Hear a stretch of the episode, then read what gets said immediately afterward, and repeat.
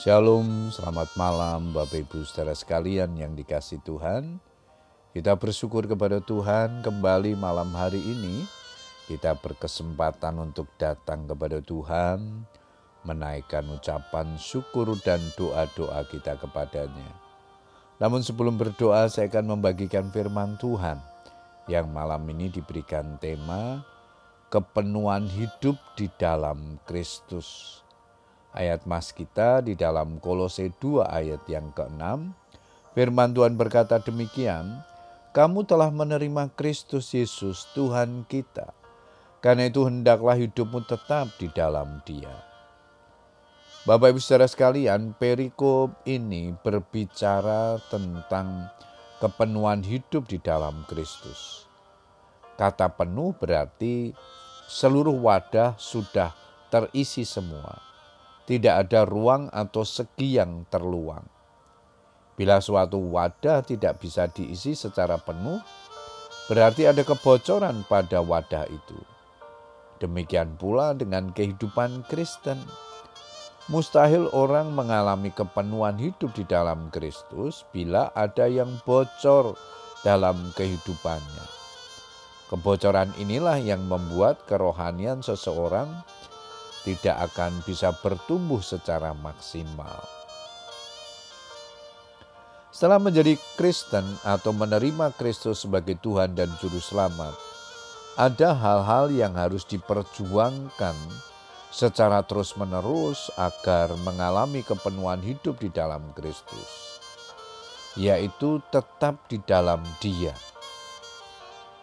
Hendaklah hidupmu tetap di dalam Dia Rasul Paulus menganalogikan orang yang tetap di dalam Tuhan itu ibarat pohon yang kokoh bukan karena pokoknya yang besar melainkan karena pohon itu tertanam baik dengan akar yang menjalar di bawah permukaan tanah.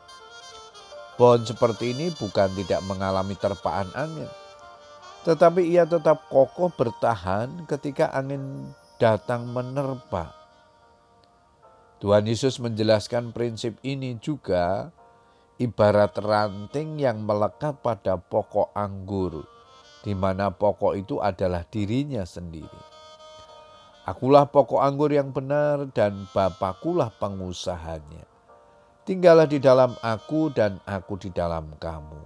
Sama seperti ranting tidak dapat berbuat dari dirinya sendiri kalau ia tidak tinggal pada pokok anggur Demikian juga kamu tidak berbuah jikalau kamu tidak tinggal di dalam aku. Yohanes 15 ayat 1 dan 4. Ranting yang melekat erat pada pokok akan mendapatkan getah yang membuatnya berpotensi untuk menghasilkan buah yang lebat. Pemasmur juga menggambarkan bahwa pohon yang ditanam di tepi aliran air berpotensi untuk berakar, bertumbuh, dan berbuah. Ungkapan "hendaklah hidupmu tetap" secara gramatikal merupakan kata kerja perintah untuk hidup secara konsisten, tidak mudah berubah, tidak mudah goyah di segala situasi dan kondisi. Suatu tindakan yang harus selalu diupayakan dari dalam diri kita sendiri di atas segala situasi atau kondisi yang sedang dialami. Agar dapat menjadi orang Kristen yang konsisten, yang tidak dipengaruhi oleh situasi atau keadaan yang ada, kita harus tetap di dalam Kristus. Puji Tuhan Bapak Ibu Saudara sekalian, Biarlah kebenaran firman Tuhan ini menolong kita untuk kita terus rindu hidup dekat kepada Tuhan, mengalami kepenuhan Kristus di dalam kehidupan kita, sehingga kita memiliki fondasi dan akar iman yang kuat. Puji Tuhan, selamat berdoa dengan keluarga kita. Tetap semangat berdoa. Tuhan Yesus memberkati. Amin.